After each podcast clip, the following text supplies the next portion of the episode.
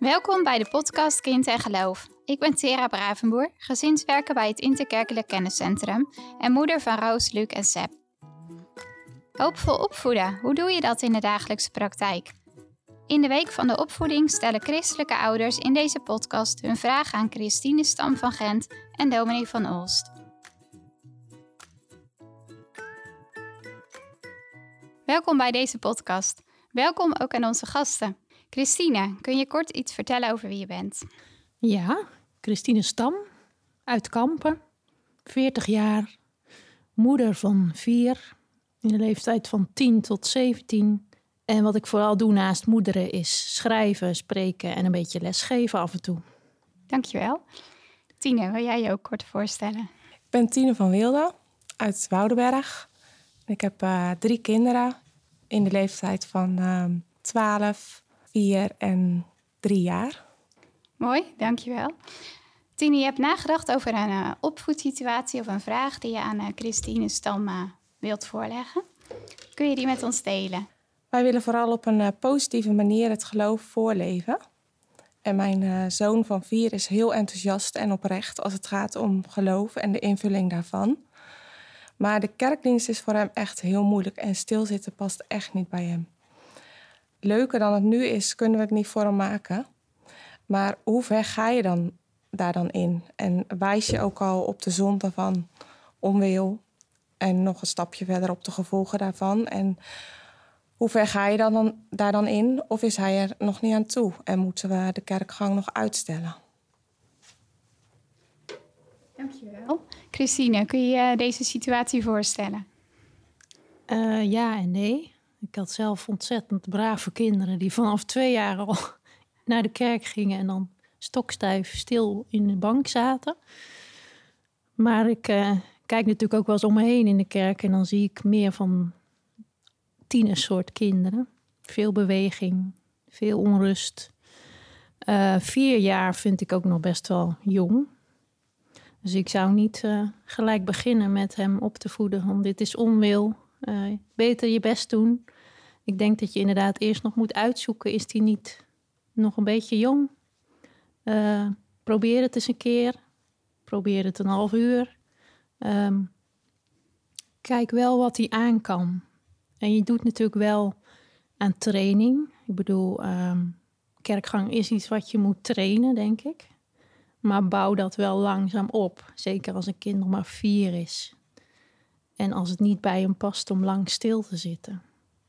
Dus bouw het wel op, maar doe het langzaam met veel begrip voor wie die is, denk ik. Heb je ook die uh, mogelijkheden, Tine, om dat op die manier te doen? Uh, nou ja, ik denk wel gelijk van, uh, ja, maar bij ons in de kerk gaan alle kinderen van vier jaar mee. En hij, kan niet meer, hij is niet meer um, welkom bij de crash.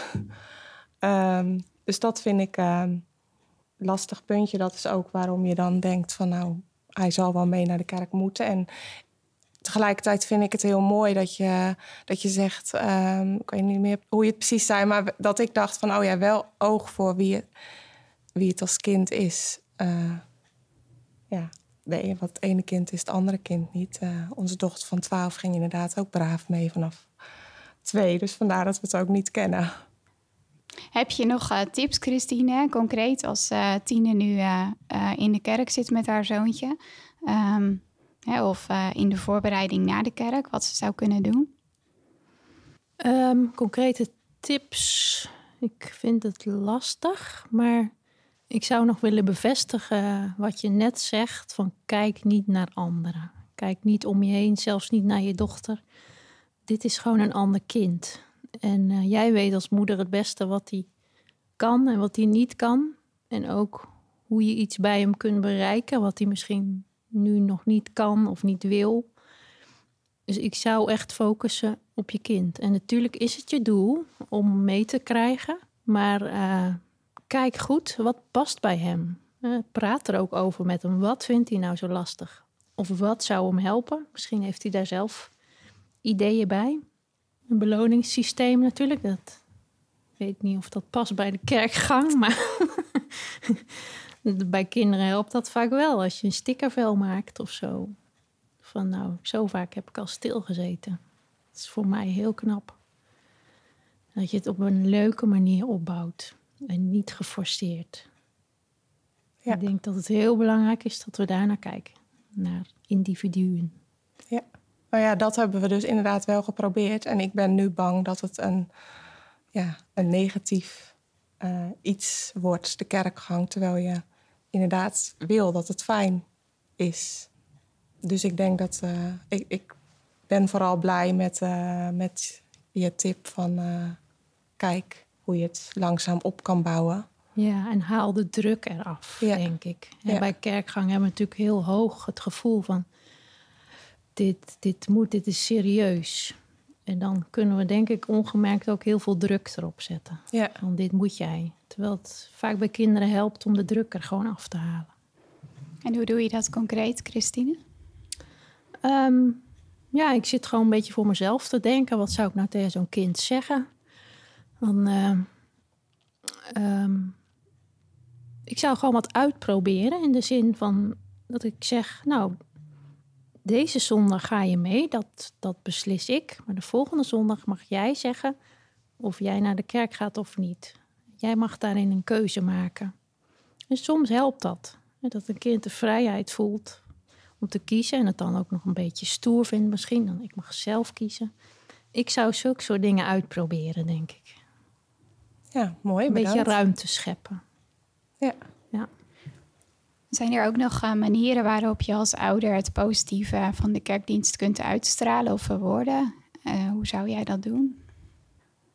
Ja, ik denk dat je al wel vrij jong kunt beginnen om kinderen bij te brengen dat, het, dat je naar de kerk gaat om daar de Heer eh, te dienen. Zo'n lof te brengen aan de Heer.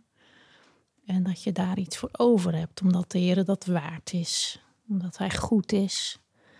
En misschien kun je er ook bij vertellen dat je zelf eh, het fijn vindt om naar de kerk te gaan.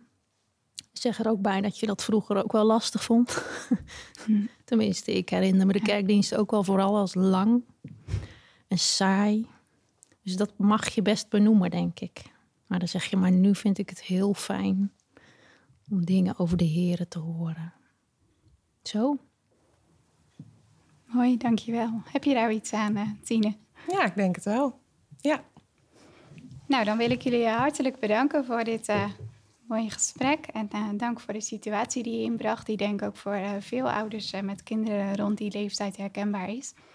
Ehm, en dank Christine voor alle inzichten die je aan ons wilde meegeven en aan alle luisteraars. Morgen zijn we er weer met een nieuwe podcast. In deze week van de opvoeding worden nog meer inzichten gedeeld. Volg Evangelisch Tech op social media om geen aflevering te missen.